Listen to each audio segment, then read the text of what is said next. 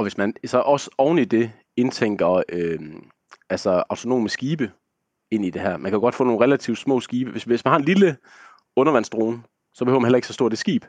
Så kan man også have en autonom skib, der faktisk sejlede relativt tæt på, som også er sværere, og så videre, og så videre. Så kan man tænke det længere ud, og det er altså ikke så langt øh, fra virkeligheden, som man kunne forestille sig. Det er ikke øh, sci-fi, det her.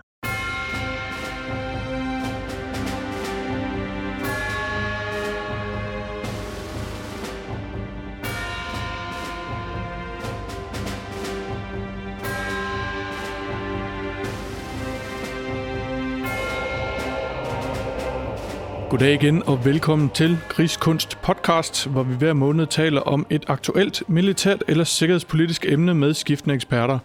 Mit navn er Kasper Vester, jeg er til daglig journalist på Olfi, og jeg producerer podcasten sammen med min medvært, militæranalytiker Anders Puk Nielsen.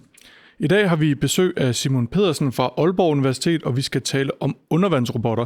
Men før vi når så langt, så skal jeg lige huske at nævne, som jeg plejer, at alle medvirkende kun giver udtryk for egne meninger og ikke taler på vegne af nogen organisationer, som de måtte have en forbindelse til. Og med det ud af verden, så er ordet dit, Anders. Tak skal du have.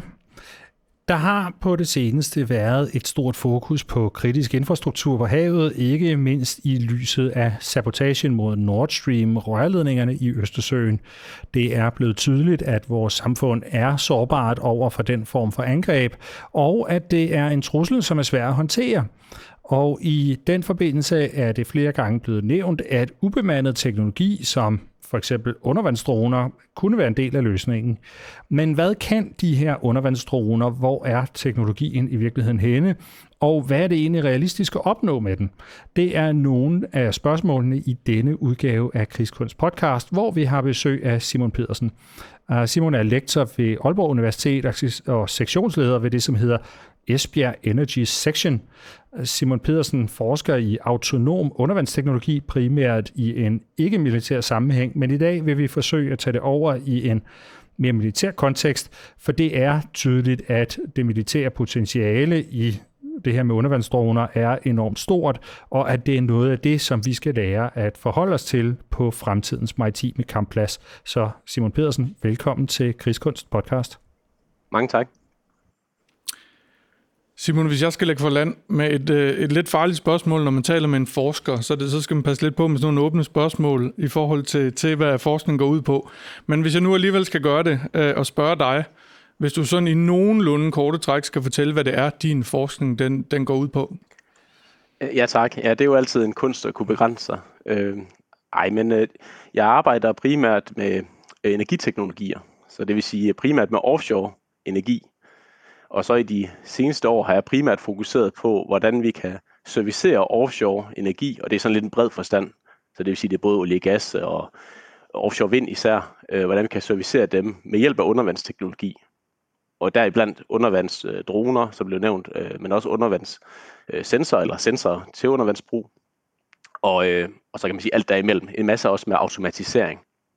Så eksempelvis så, øh, så udgav vi en videnskabelig artikel faktisk for en del år siden, som er, der måske er værd at fremhæve øh, tilbage i 2016, som netop omhandlede øh, overvågning af undersøiske infrastruktur, som nok er interessant i den her kontekst. Øhm, og så siden der har vi har vores forskningsgruppe så arbejdet videre på det her emner. Men, men hvad vil det sige at servicere i den her kontekst? Altså, det er sådan noget med at tage ud og øh, smøre alle delene, eller altså, øh, og kigge efter, at at det hele fungerer og, og den slags?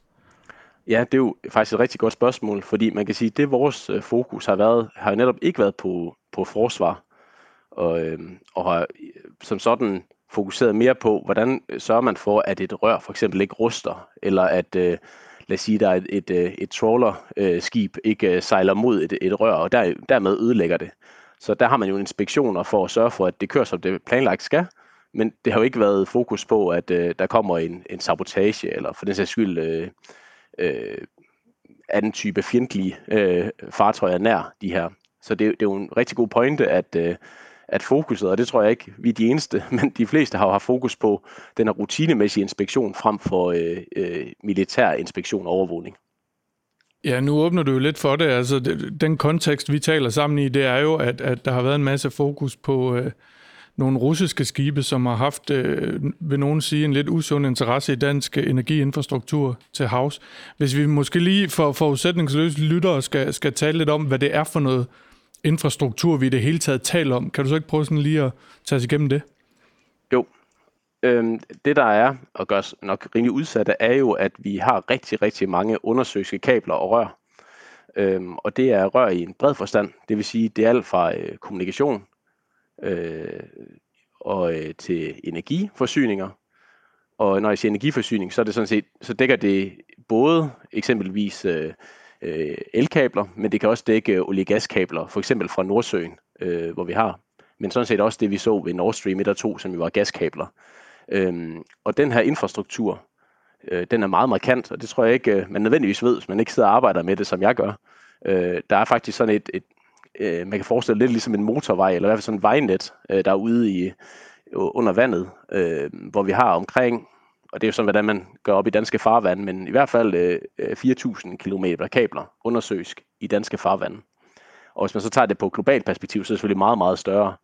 Og tendensen er jo bare, at der kommer flere og flere af dem her, fordi vi vil jo gerne have mere, for eksempel grøn energi fra offshore. Blandt andet så den her kommende energiø, der er tale om, at der kommer, øh, kommer selvfølgelig til at påvirke, at vi bliver mere afhængige af det også.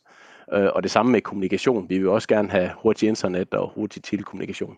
Øh, så af mange grunde, så bliver det her net, det, det bliver større og større, og tendensen er kun, at det bliver, at i stigende grad bliver, vi bliver mere afhængige af det. Og det er jo selvfølgelig også derfor, det er værd at, at, øh, at beskytte det. Og, og det er jo øh, imponerende at høre, altså øh, 4.000 kilometer, øh, det er i sig selv jo øh, så meget, så man godt kan se, hvorfor det kan være svært at, at overvåge noget, der er 4.000 km langt. Men, men altså, hvorfor er det, at havet er så svært at se igennem?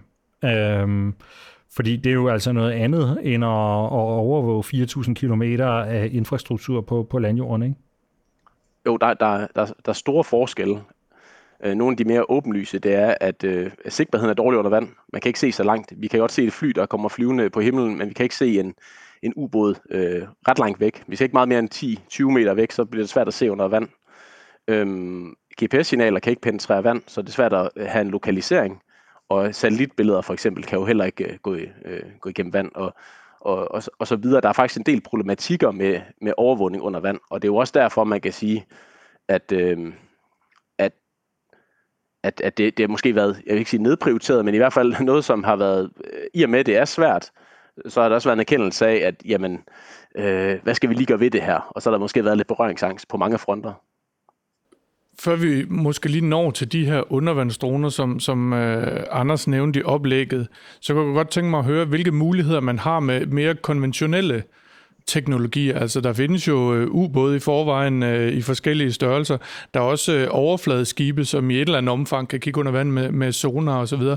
Hvad, hvad, øh, hvilke løsninger har man, øh, ud over de her droner, som vi skal tale om om lidt, øh, for at holde øje øh, med, med de her installationer?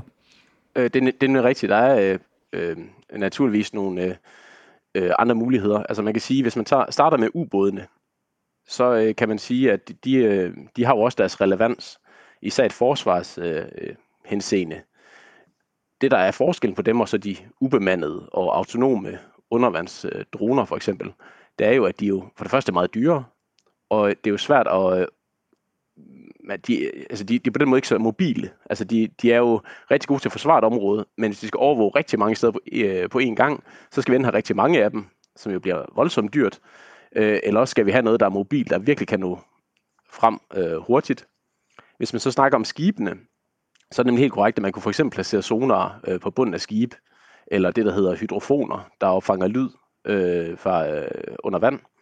Øhm, og, og begge dele er en mulighed, og det er faktisk også noget, som øh, jeg tror, der er mange, der ser som en god løsning, hvis man skal overvåge. Fordi vi har nemlig, som der også blev pointeret her, rigtig mange øh, skibe i danske farvande. Så det ville nemlig være nærliggende at, at indtænke dem i det her. Problemet er måske detaljegraden af det, man får ud af det. At det, man kan godt få en idé om, at der er noget, der ikke burde være der, men hvis man skal man det er nødt til at komme tættere på for at finde ud af, hvad, hvad det så er. Øh, eksempelvis så er det svært at finde en, lad os nu, en springladning på et øh, undersøgskabel øh, helt op fra havoverfladen, fordi der er relativt langt ned til havbunden. Så der bliver man nødt til at have noget, der sådan kommer ret tæt på, og der øh, er undervandsdroner en, en mulighed i hvert fald. Ja, man render vel ind bare i sådan nogle helt grundlæggende problemer om, at øh, altså det er upraktisk at bruge de der meget dyre kapaciteter, som for eksempel en, øh, en ubåd, øh, en bemandet ubåd til øh, at, og, og sejle rundt og overvåge rørledninger. Ikke? Altså, øh, jeg synes, sige, vi, har, vi har rigelige problemer i forvejen med at skaffe personel i forsvaret. Vi har ikke behov for at skulle også afsætte folk til at, at sejle rundt sådan, ikke? Altså, øh, øh, og, og patruljere de der 4.000 km der. Nej, og, og grunden til, at jeg så stadig siger, at det måske kunne have sin relevans, og nu er jeg jo ikke øh, forsvarsforsker, så der skal jeg selvfølgelig passe på, men det kunne have nogle andre opgaver. Men når jeg snakker om ren om overvågning, så, så er det nok ikke den optimale øh, løsning. Men det kan jo godt have en præventiv effekt også at have noget, der kan forsvare det så. Altså hvis vi nu finder, en ting er, at man overvåger, man så finder ud af, at der er en, øh, en russisk ubåd i danske farvande. Øh, det er jo fint at finde ud af, at det er der, men vi skulle også gerne kunne ligesom gøre noget ved det. øh, så man kan sige, at selvfølgelig er der også noget, noget andet, man skal have med i det. Men en ting er i hvert fald helt klart, det er jo, hvis man ikke overvåger, hvis man ikke ved, der er noget, så er det jo svært at handle på det. Øh, så derfor mener jeg, at øh, overvågning er ligesom det, der kommer først. Fordi hvis man, hvis man ikke ved, at der er noget øh, fjendtligt, hvordan skal man så handle på det? Bare lige ind, for at blive det hen, vi går videre. Altså, hvad er den bedste metode til systematisk at overvåge, øh, hvis vi lige regner undervandsdronerne et øjeblik? Du nævnte det her med hydrofoner. Altså, er det sådan en forholdsvis omkostningslet måde at, at holde øje med, hvad der sker, eller lytte med på, hvad der sker under havoverfladen? Eller hvad kan man egentlig gøre i dag, hvis man ikke lige har en undervandsdronekapacitet? Øh? Ja, øh, hydrofoner er jo sådan set lyttestationer. Og det, der sådan er gængs for det, øh, de fleste øh, undervandsfartøjer i, sådan i bred forstand, det er jo, at de, de giver, afgiver noget lyd, fordi for at få noget fremdrift, så er der nogle propeller eller noget lignende, der i hvert fald øh, skaber noget lyd. Og hvis man kan opfange den lyd, så kan man jo også vide, der er noget, øh, der giver lyd, der ikke burde være der. Og det den lyd kan man godt adskille fra det, man ved, der er der i forvejen. Jeg synes, sige, der var nogle skibe, der også skal afgive noget lyd. Så kan man godt filtrere den øh, lyd fra. Øh, det, der så er interessant, det er jo, hvor skal man placere de her lyttestationer? Øh, og der har jo for eksempel været en tale om nu, øh, baseret på det her, den her DR-serie, der har været øh, med Skyggekrigen, har der blandt andet snakket om, at jamen, skulle vi så lave nogle øh, zoner rundt om vores øh, offshore øh, vindmølleparker, hvor man skulle lægge nogle af de her lytte, øh, øh lyttestationer, altså hydrofoner. For eksempel transformerstationerne, hvor man samler energien. Og, og der vil jeg så bare slå et slag for at sige, at det, er, det er jo rigtig godt, og det tror jeg faktisk er meget værdifuldt. Og i virkeligheden så tror jeg ikke, der er sådan en løsning, der, der i sig selv kan løse det her. Der er nok flere teknologier, der skal i spil. Så det tror jeg faktisk er en god løsning. Problemet er bare, at man er jo lige så sårbar på det kabel, der så fra transformation fører til land. Fordi hvis man, man siger, man beskytter eller man overvåger øh, selv transformerstationen, men hele rørkablet, som jo kan være flere hundrede kilometer langt ind til onshore, hvis det ikke bliver overvåget, så kan man jo lige så godt sabotere der, som man kan på selve transformerstationen. Hvilket betyder, at man sådan set cutter energiforsyningen til, øhm, øh, til dansk jord. Og der, som sagt, så, så er vi ret skrøbelige for det. Så der kunne man risikere sådan et såkaldt brownout i, i, brownout i store dele af, af Danmark, hvor man faktisk mistede strømmen, øh, i hvert fald som civil borger. Og det, øh, det vil man jo gerne undgå. Så derfor tror jeg ikke, at altså, lyttestationer, enten skal vi have rigtig mange af dem, og så bliver det jo dyrt. Øh, eller også så skal man gøre det, som jeg nok vil være fortaler for, at man placerer dem som strategiske steder, og så kombinerer det med andre løsninger, såsom undervandsdroner. Hvad, hvad, hvad er sådan en brownout der, som du nævner? Ja, brownout det er, at, øh, at øh, der ikke, lige pludselig så er der ikke den elforsyning, der skal øh, til for at dække øh, alt, alt i Danmark, kan man sige. Nu, nu tager jeg Danmark som, som isoleret. Øh, I virkeligheden kan jeg godt sige, at det er jo større grupper potentielt. Men lad os nu sige, at der kom nogle strategiske sabotager i øh, danske farvande, der ramte vores elnet, og det er nok der, jeg vil sige, at vi er mest udsat umiddelbart, så kunne man risikere, at der kom sådan et brownout, eller det vil sige, at der ville komme et brownout. Og når jeg siger brownout, så betyder det, at, at man vil ikke bare miste strøm over det hele, fordi vi har jo stadig noget el til rådighed. Og det 11 vil man så bruge strategisk på, for eksempel politistationer, sygehuse osv., men de almindelige borgere vil så miste strøm i deres hjem. Det er så den simpleste forklaring, at, øh, at et brownout, det betyder ikke, at man mister al strøm, men man, øh, en stor del af landet vil så miste. Og det er selvfølgelig ikke særlig fordelagtigt, for så skulle man måske tage åben for nogle kulkraftværker, øh, som er meget, øh, jeg tror ikke, vi har procedurer i, klar til at kunne sætte det op, men man kunne risikere, at der går flere uger inden. Og hvis, jeg tror ikke, man som almindelig dansker tænker, at der kan gå, altså hvis man mister strøm i flere uger, øh, det, det færreste nok øh, se som en særlig god øh, øh, hvad kan man sige, situation at stå i. Øhm, så så det, det er derfor, at, at at nogle af de her problemstillinger er lidt mere komplekse, fordi at, øh, at, at det er i virkeligheden også konsekvensen af sådan strategiske rapportager, man skal tage, tage med i overvejelser, når man siger, at det kommer til at koste meget, fordi hvad er konsekvensen, hvis man ikke gør noget? Og det er nok det, jeg, øh, jeg vil sige, at man skal begynde at kigge lidt ind i. Men du siger også, at man skal i virkeligheden, øh, så er det måske formålstjenligt at bruge en kombination af de her forskellige øh, værktøjer til at holde øje med. Hvad, hvad ser man egentlig brugt rundt omkring i verden altså, øh, til at overvåge de her? Der må også være lande, der har, der har endnu flere kabler på havbunden, end, end vi har i Danmark. Hvad, hvad er mest udbredt? Hvilken løsning vælger forskellige lande? Ja, øhm, man kan sige, det, det er jo meget forskelligt, øh, fra hvilket land vi snakker om. Og øh, det er heller ikke alle, selvfølgelig, der vil dele al information. Så det er heller ikke alt, jeg ved her. Øhm, så vidt jeg ved, så er det nemlig nogle af de her samme metoder, øh, der bliver brugt. Man kan sige, det er akustiske metoder. Det vil sige, at det er, øh, det er noget, hvor vi enten har nogle sonarteknologier, der øh, sender et signal ud, og så bliver det reflekteret. Og så kunne det også være de her lytterstationer, jeg bruger. Ellers skal man relativt tæt på noget, og så skal man bruge noget, øh, for eksempel optisk, altså et, et kamera, øh, hvor man så kan se noget. Og det kunne vi simpelthen få et like til, hvis man siger, at der er en, hvis man formoder, at der er noget eksplosivt et sted. Så er det også rart, at man faktisk øh, validerer det ved hjælp af et, et kamera. Så der kunne man lave sådan en, man kan have noget, der hedder sådan en grov screening, og det kunne fx være ved sonarteknologier, og det var det, vi allerede talte om her lige, lige tidligere, at det kunne man potentielt bruge øh, delvis nogle skib til øh, ved havoverfladen. Og så hvis man så har en formodning om, der er noget, kan man så strategisk lave en indsats om, at man kommer med en undervandsdrone øh, og komme tæt på noget, hvor man så kan bruge en kombination af akustiske målere, øh, som sonar og så videre, og øh, så også optiske med kamera, og i øvrigt også forskellige andre teknologier, men sådan det er de gængse.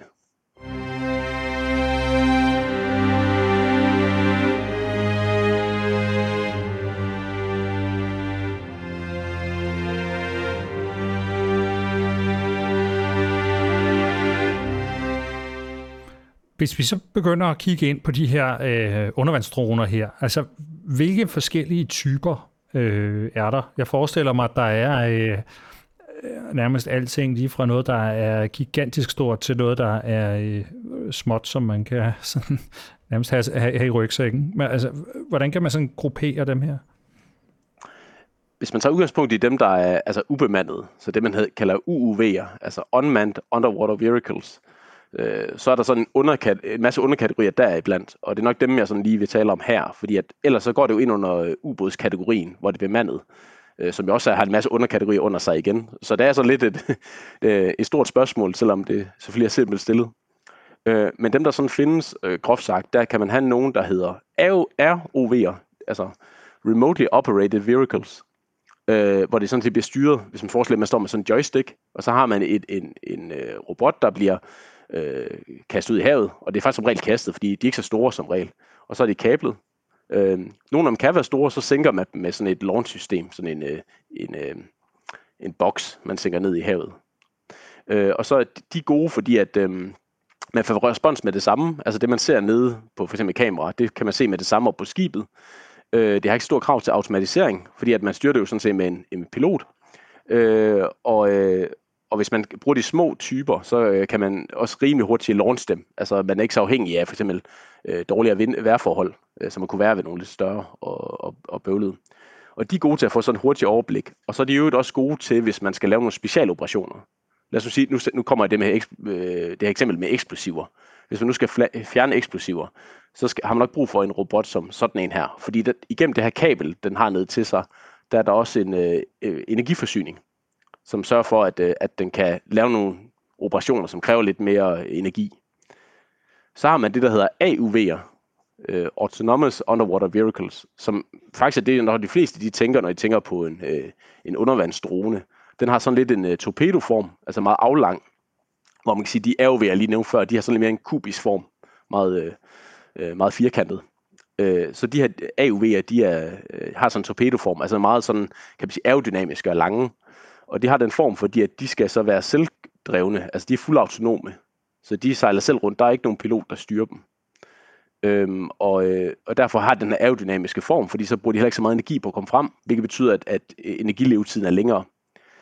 Og det, det er dem, man for eksempel kunne bruge, fordi de er fuldautonome, og de er, ikke, de er ikke afhængige af et skib på samme måde, fordi de ikke har en kabel. Så kan de sejle ret langt, uden at have et skib med sig, og derfor er de for eksempel gode til øh, sådan det, det, jeg kalder sådan klassisk overvågning. Altså der, hvis vi skulle, for eksempel hvis man skulle følge en masse, masse rør, så er det nok de løsninger, man vil gå til, hvor de så skulle følge øh, rør over lang tid, fordi så skal man ikke have skib hen over dem hele tiden, mens de sejler. Og så er der, øh, jeg lige nævner to typer mere helt kort, øh, ROTV'er, altså Remotely Operated Towed Vehicles, altså sådan en ROV, som jeg nævnte som første, de havde den der kubisk form i kablet, men så bliver de trukket af kablet, øh, så det er sådan en trukken robot, der bliver trukket af et skib. Og det betyder, at, øh, at de nogle gange, øh, altså det kræver ikke så meget øh, styring på selve den her robot, de har sådan flapper, der kan styre op og ned, øh, lidt ligesom et fly, øh, men de har ikke nogen thruster, altså nogle propeller, der øh, giver fremdrift men de er ret øh, gode, fordi at de, er, de følger så et skib, og kan ret hurtigt lave sådan en, en, en overvågning. Og så den sidste, jeg lige vil nævne, det, det, det er gliders. Altså, det er sådan set øh, robotter, som, øh, som har meget, meget, øh, de er meget, meget simple. De er både små, og de har ikke så meget øh, aktueringskraft. Altså, de har ikke så mange motorer på sig, og egentlig heller ikke så mange sensorer nødvendigvis. Men det er sådan små spioner, kan man sige. Fordi det, de gør, det er, at øh, man kan, man, de, de kan trække vand, vand ind og ud, så de kan ændre det, der hedder buoyancy, så den kan gå op og ned i, i vandet.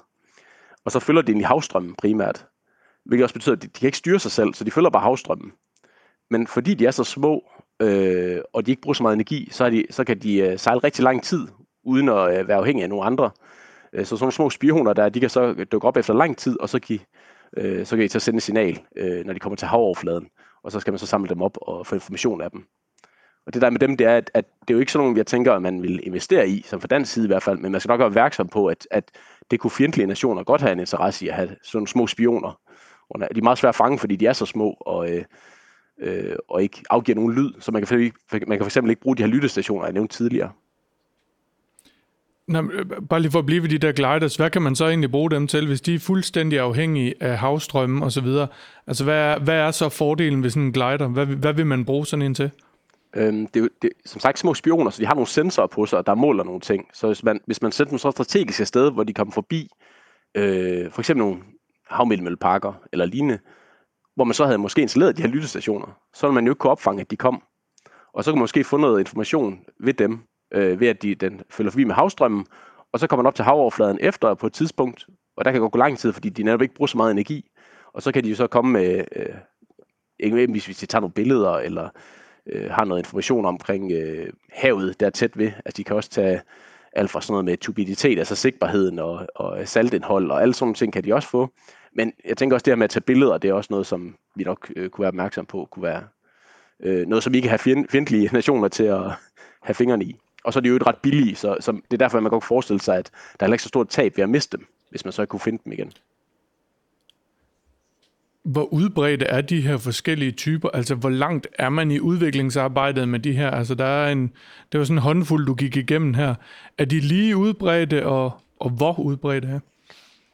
Øhm, der er sket en, en meget, meget stor udvikling inden for undervandsdroner de sidste øh, 10 år, vil jeg sige. Altså, det, er, det er jo en løbende udvikling, men, men den udvikling, jeg sådan refererer til her, det er primært prisudvikling. Altså, de er meget, blevet meget, meget billigere. Øh, lidt som man har så set med droner, øh, altså over vand Øh, så kan man sige, at de her undervandsdroner, de følger lidt samme trend, bare med en forskydelse på øh, sådan 10-15 år. Og nu kan man jo se, at, at øh, droner over vand, det er jo allemands eje, fordi det er blevet så billigt at have. Og det samme kan man jo se her. Så når jeg nu siger øh, fjendtlige nationer for eksempel, at ikke skal have adgang til de her ting, så kan man også sige, at det er jo også civile personer, der bare kan købe sådan en robot til øh, relativt få tusind kroner. I hvert fald det er det, vi ser ind i, og så kunne teste de her ting af med de billigste typer. Men det er klart, at, at, no, at, at, at hvor udbredt de er, Mm, det, det, er, øhm, det kommer også land på, hvad, øh, altså, hvilke formål de har, kan man sige. Øh, ROV'er, øh, altså dem her, jeg snakker om igen, der har et kabel op, øh, de er sådan, dem, der sker en rigtig stor udvikling på, øh, fordi at de er blevet billige, og de er sådan ret let at bruge. Altså de er ikke afhængige af sensorer, fordi de er ikke autonome nødvendigvis. Det kan de godt være, de kan godt være fuldautonome, selvom de har et kabel. Men det behøver de ikke at være, så man kan egentlig have en pilot ret let at styre det. Så de er sådan meget brugt det i rigtig mange hensener. Øhm, AUV'er, de er, det, er så, det, det er så måske lige nogle år bagud i forhold til det andet, fordi at øh, de er jo som sagt fuldautonome. Så man kan godt forestille sig, hvis man nu sætter sådan en ned i vandet, og de jo også kan være ret dyre i hvert fald, så er man nødt til at miste dem. Så de skal ikke virke 99% af tiden, de skal virke 100% af tiden. Så der er den her øh, pålidelighedselement i det, at øh, man vil helst ikke risikere at miste sådan en dyr robot. Øhm, Og de trukne øh, robotter, de har sådan meget specifikke formål som regel. For eksempel det er det, man bruger til at øh, overvåge øh, havbunden og lignende. Øh, så så det, det, er, det er meget forskelligt, kan man sige. Men tendensen er helt sikkert, at der er en udvikling på alle fronter, og det bliver billigere og billigere. Og jeg tror, det er noget, man sagde ind i, at, at det kommer til at følge samme tendens, som man ser på droner over havet. Men man kan sige, at de her øh, øh, forskellige former for kablede øh, robotter, du taler om her, øh, de, dem har vi jo brugt i mange år i en eller anden udstrækning i, uh, i militæret. Ikke? Altså, uh, de her øh, fjernstyrede undervandsrobotter for eksempel er jo standard udstyr i forhold til, hvordan man rydder miner, for eksempel, og har været det i, i, uh, i årtier. Uh, og også de her lidt trukne nogen, altså jeg tænker, uh, et eller andet, et eller andet omfang, så lyder det en lille smule som en trukken sonar, for eksempel, som på en eller anden måde, måske lidt mere avanceret, men dybest set uh, noget af den stil, ikke? Altså det nye, det er vel det her med de her autonome undervandsrobotter.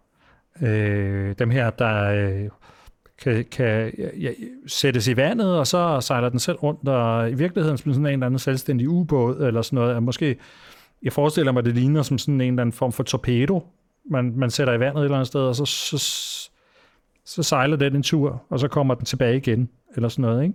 Altså, hvor, hvor langt er vi i dag i forhold til, hvad de her kan? Hvor realistisk er det, at vi kunne købe øh, sådan en... Øh, øh, kan vi købe 10 af dem, for eksempel? Øh, og, så, øh, og så har vi lige pludselig et godt overblik over, øh, hvad der foregår under vandet i, øh, i Danmark. Det er jo faktisk et virkelig godt spørgsmål, fordi det er jo der potentialet ligger, også hvis du spørger mig. Nu snakker vi selv om de, vi snakker lige om de her enorme øh, kilometer kabler, der ligger bare i danske farvand, og der har vi jo ikke snakket om åbne hav, som Atlanterhavet og lignende, hvor der er jo meget, meget længere kabler. Øhm, og så kan man sige, i erkendelse af, at man ikke kan, vi ikke har øh, så stort personel øh, i søvandet for eksempel, øh, og vi kan heller ikke være alle steder på én gang, så er det jo helt oplagt at kigge ind i sådan nogle øh, AUV'er, som hverken kræver en øh, pilot, så der er ikke noget personel, øh, de er selvkørende, og de kan jo sådan set være flere steder på én gang. Øhm, grunden til det, man så, og det var så det, tilbage til et spørgsmål, som var meget relevant, det er, jamen hvorfor køber vi så ikke, lad os sige 10 af dem, eller jamen hvis det er bare en succes, så kan vi købe 20, og så er vi sådan set dækket ind på det kæmpe problem, vi lige har adresseret. Jamen det er det her med pålideligheden, altså at, at der er stadig noget udvikling, der, der skal til for, at det bare virker 100 ud af 100 gange. Øhm, fordi at, at forestil jer, at, øh, at man købte det her ind, og så siger man øh, fra søvandens side, så nu sparer vi en masse penge på det, at vi ikke skal ud med skib og tjekke det her øh, hvor, hvor vi så har de her AOV'er, som du nævner, og så skal jeg ned og sænke det, som er meget, meget omkosteligt, øh, fordi man skal have en helt frigat måske ud for det. så, så, så kan man sige, at, øh, at jamen, hvorfor gør man ikke det? Jamen det er sådan set fordi, jamen, hvis, hvis søværden så får travlt med at skulle ud og samle de her robotter op, fordi de ender alle mulige steder, fordi de fejler, så, så tror jeg, det bliver en anden frustration, man står med. Og det er jo den, man gerne vil ud, øh, altså, øh, gå udenom. Og det er derfor, det er det, vi sidder og forsker i. Fordi det er nok der, der mangler noget forskning og udvikling. Øh, vi har faktisk rimelig stærk industri i Danmark, øh, og vi har noget potentiale inden for det her område. Så vi kunne godt være sådan et øh, øh forgangsland på nogle punkter inden for det her. Øh, det er jo da godt mit håb, måske også en EU-håb som forsker, men øh, at, at det faktisk er, er, er der, vi netop satser. Fordi det er der, jeg ser det helt store potentiale i forhold til overvågning. Og så kunne man jo godt have nogle andre øh, værn imod sig, så hvis man finder et eller andet ud over overvågning, hvor man så skal ud og lave en indsats. Og det er jo sådan en anden øh, problematik, man i tale sætter der. Men der er ingen tvivl om, at automatisering på de her undervandsrobotter har det største potentiale. Øh, der, er også, der er også en anden element, vi slet ikke har snakket om, men fordi det ikke er kablet, så har den jo også en anden øh, spænd. Altså man, skal, man kan sige, hvis, hvis du har et 100 meter kabel for eksempel, så kan den her undervands øh, AOV, den kan jo så heller ikke komme længere end 100 meter væk fra skibet, så den skal jo følge, følge med den hele tiden. Så du kan heller ikke have mange ude på én gang. Øh, så, så, så AOV'er er, er på mange måder, øh, det har den der frihed og kan sejle rundt øh, alene og fuldautonom, og egentlig give den samme information, som man kunne med de konventionelle metoder, du øh, adresserede, Anders. Øhm, så jeg mener bare, der skal investeres i noget udvikling på den her front. Og, og øh, nu siger jeg bare, men det er fordi, at, at behovet er der, og potentialet er der, men det er måske ikke lige nu og her, vi har et færdigt produkt, man lige kan købe, som virker 100 ud af 100 øh, tilfælde. Hvor langt er vi i dag? Altså, hvad, hvad, hvad kan øh, de her de mest avancerede af, af, af dem her gøre i dag? De kan lave meget detaljeret øh, overvågning. Øhm, for eksempel, bare, bare for at tage et eksempel ud, for der er jo rigtig mange ting i det, øh, men der, der måske er kompliceret, det er jo for eksempel, øh, hvis vi tager nogle af de her kabler, så er der nogle af dem, der er øh, nedgravet, og, og så kan man lige pludselig ikke bruge et, et kamera længere. I kan forestille, at man navigerer efter sådan et langt lige rør, og så lige pludselig bliver det nedgravet. Hvad gør man så? Og de her AUV'er kan faktisk øh, ikke bare se igennem det her, men man kan også finde objekter, der er nedgravet. Så hvis der er en, en eksplosiv, der faktisk er gravet ned i jorden, kan man godt finde det, fordi det reflekterer anderledes med en, en, en sonar. Så hvis man bruger en meget avanceret sonar, øh, teknologi, så kan man eksempelvis godt finde det, selvom det er nedgravet. Hvilket jeg synes er ret fascinerende, fordi at det, øh, du kan ikke visuelt se det, men du kan faktisk se igennem et lag sand for eksempel, og så finde det. Øh, så man kan jo godt lave sådan relativt øh, avancerede inspektioner, øh, hvis man bruger de rigtige sensorteknologier. Men det er jo selvfølgelig også klart, så skal man også installere de her AUV'er med de dyre sensorteknologier, og så er der også et prisaspekt i det den vej. Øh, så det er sådan lidt øh, give or take, hvor øh, skal man have mange AUV'er, som måske har lidt lettere sensor og måske lidt mere simpel inspektion, eller skal man investere nogle lidt færre, og så øh, har noget mere avanceret udstyr på sig? Øh, det er nok en evig diskussion, og det er også et ressourcespørgsmål, tænker jeg. Men er det korrekt forstået på det, du sagde lige før, at man har nogle helt lavpraktiske udfordringer i forhold til at fiske de her øh, droner op igen? Altså simpelthen for at holde styr på dem, når de først har sejlet et eller andet sted hen. Er det, er det fordi, man ikke har løst, øh, at de vender tilbage selv, eller hvad, hvad er helt lavpraktisk udfordringen der? Det, der er en af problematikkerne, det er jo, at hvis du får den, en øh, fuldautonom robot til at følge et kabel, og det er en meget triviel opgave. De ændrer sig jo ikke så meget, kan man sige, så det, øh, det kører meget fint. Men så lige pludselig, så kan det være, der kommer en stor, øh, øh altså en stor undervandsstrømning, der slår den ud af kurs, og så mister den track på den her øh, kabel, og så ved den ikke, hvor den er længere. Og så vil den, så kan man så have nogle procedurer for det. Først og fremmest vil den nok prøve at finde tilbage igen. Hvis den så ikke kan finde tilbage igen, så vil den nok gå til havoverfladen. Og så skal den jo samles op der, hvor den kommer op til havoverfladen. Øhm, så det er det, der er problematikken. Det her, de forstyrrelser, der er ude. Især offshore, altså hvis man kommer ud, der er også ret markante bølger. Så hvis man, kommer, hvis man skal lave noget, der sådan, øh, kommer lidt, øh, lidt tættere på havoverfladen, øh, så er bølgerne også en stor forstyrrelse, som den skal kunne tolerere. Og det er så et stort krav til automatiseringen. Og det er faktisk netop de ting, vi sidder og forsker i, for at prøve at gøre det mere pålideligt. At øh, den ikke fejler, øh, når, der, når det kommer de mest ultimative forstyrrelser, kan man sige. Så man, så man skal ikke tænke det som om, at den, den fejler hele tiden. Men hvis det er meget lange operationer, som sejler over lang tid, så skal den jo også gerne kunne holde hele den øh, øh kampagneperiode, den er ude, hele operationsperioden, og ikke, øh, ikke kun virke øh, halvdelen af tiden eller, eller mere. Hvis man, så, så, så analogien er måske her, at man, man skal sige, den skal virkelig, virkelig være pålidelig. Fordi at hvis man først skal til at samle dem op, så bliver det meget, meget omkosteligt. Hvor lang, hvor lang vil sådan en operationsperiode være, hvor den her den kan sejle rundt øh, på egen hånd?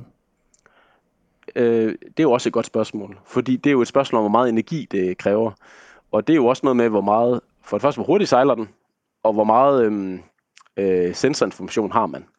Øh, så jo øh, noget, der er meget tungt, for eksempel, det er jo sådan noget som, øh, lad os sige, billedbehandling. Så hvis man har mange kameraer på, så bruger den meget mere strøm, end hvis man øh, øh, bruger nogle mere simple sensorer. Og det samme med, med de her thruster, vi snakker om, der giver fremdriften, altså propellerne. At øh, hvis den skal have mange af dem på, der bruger meget energi, så, øh, så øh, bruger den også mere energi end på kortere. Øhm, men altså, der sker en udvikling, hvor man kan se, at de, de efterhånden har øh, altså øh, 100 km øh, øh, range, før de skal lades op igen. Og så er der så også et andet spørgsmål, der hvad gør man så, når de skal lades op? Så kunne man jo i princippet installere, sådan nogle ladestationer på bunden af, af havet. Så vi har jo hele vejen motorvejsinfrastruktur, ligesom vi har på landjorden.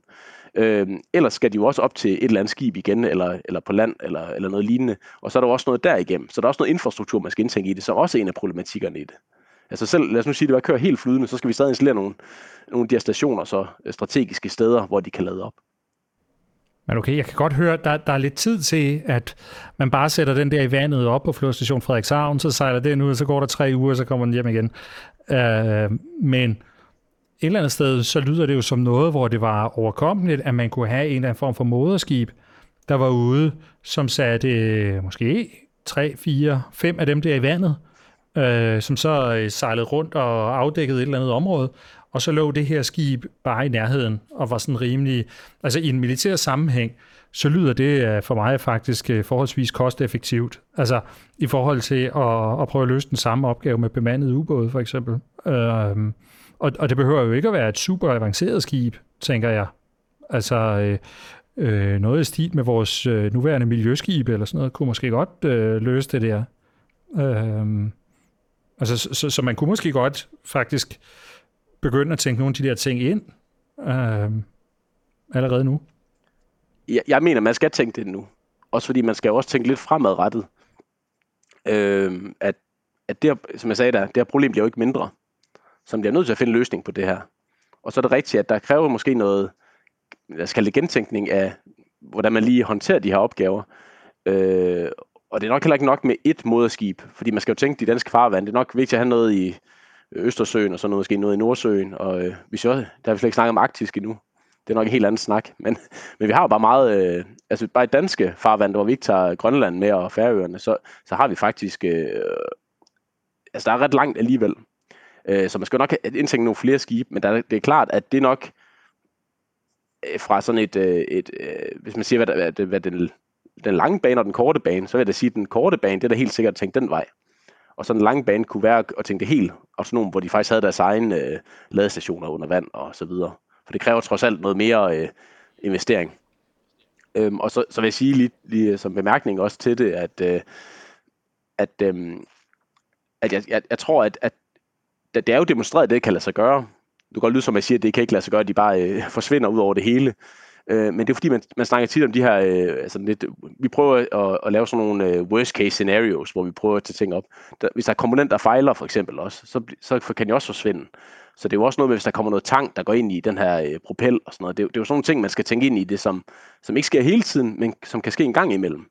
Og der, det er faktisk der, jeg synes også, der skal være noget fokus i sådan noget udvikling og forskning, fordi det er jo de ting, som man ved, der kan komme til at ske, og som man så skal kunne reagere på. Så det er de der scenarier, som ikke sker hele tiden, som øh, man skal indtænke i det, fordi sådan den mere typiske øh, operation, den, den kan man godt, øh, det er bevist både i laboratorieskala, men så også i virkeligheden ude i industrien, at, at de, de metoder findes, og de robotter findes.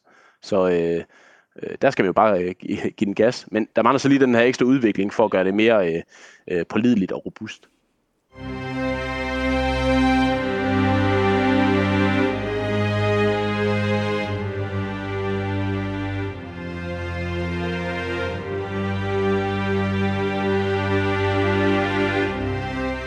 Det er lidt svært, når man sidder og laver en, en podcast om altså forsvars- og sikkerhedspolitik og forsvarsteknologi, ikke at tænke, hvordan sådan nogle droner her også kan bruges offensivt af nogen, som vi ikke har lyst til, har adgang til de samme kapaciteter, som vi har. Øhm, og, og nu har vi jo lige haft den her sag, du nævner selv, Skyggekrigen på DR1, hvor, hvor russerne sejler rundt og, og en synlig kortlægger infrastruktur i Danmark, øh, dog fra overfladen, øh, så, vidt, så vidt vi ved. Ikke? Men jeg kan ikke lade være med at tænke, at, at hvis, øh, man kan jo også bruge de, den her teknologi øh, offensivt, og de vil jo også kunne kortlægge vores infrastruktur, fordi jeg tænker, der er jo et eller andet paradoks i, at, at sådan en undervandsdrone vil jo i sig selv være svær at opdage, øh, hvis, hvis, lad os forestille os bare, at russerne havde nogen i danske farvand, vil ikke det? Jo, og øh, nu, nu er det selvfølgelig lidt gætværk, men jeg, jeg vil faktisk gætte på, at der har også i, i de her skibe, man har snakket om, tror jeg, de har launchet nogle af de AOV-typer, som Anders har adresseret tidligere, som er, man, som er ret øh, billige, og som har brugt i mange, mange år i søværnet. Øh, og, og selvfølgelig også af russerne. Øh, jeg tror, at de også har brugt dem, når de har været tæt på vores øh, vindmølleparker. Jeg kunne ikke forestille mig andet, end at de også har nedsat nogle undervandsrobotter og brugt som en del af det her.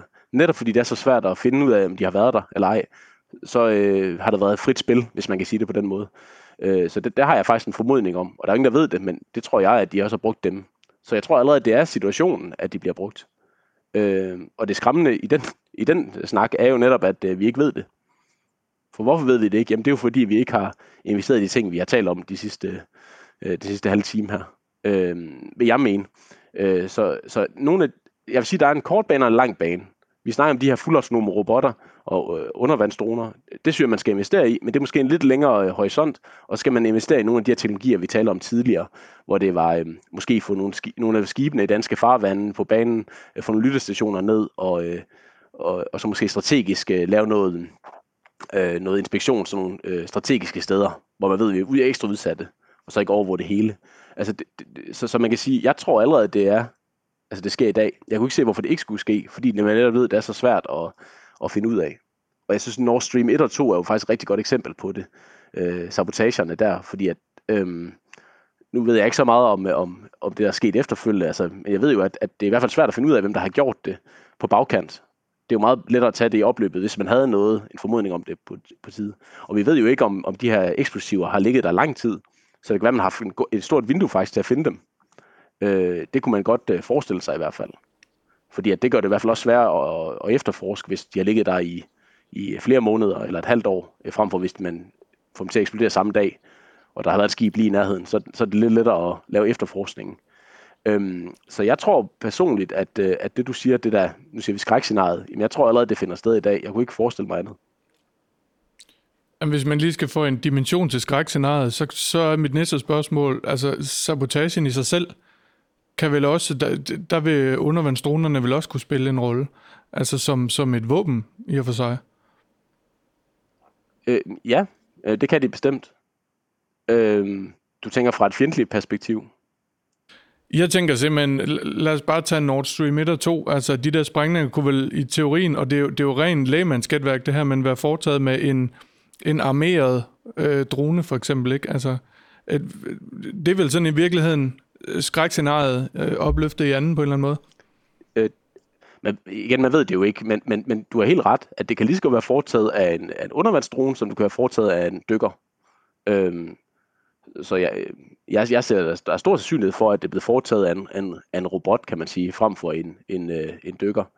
Øh, men det er selvfølgelig svært at sige. Men, men, men det bekræfter lidt, som du også siger, at det er jo ikke bare, det er ikke kun spionage, vi snakker om her. Du har helt ret i, at det er også sabotage, øh, vi snakker.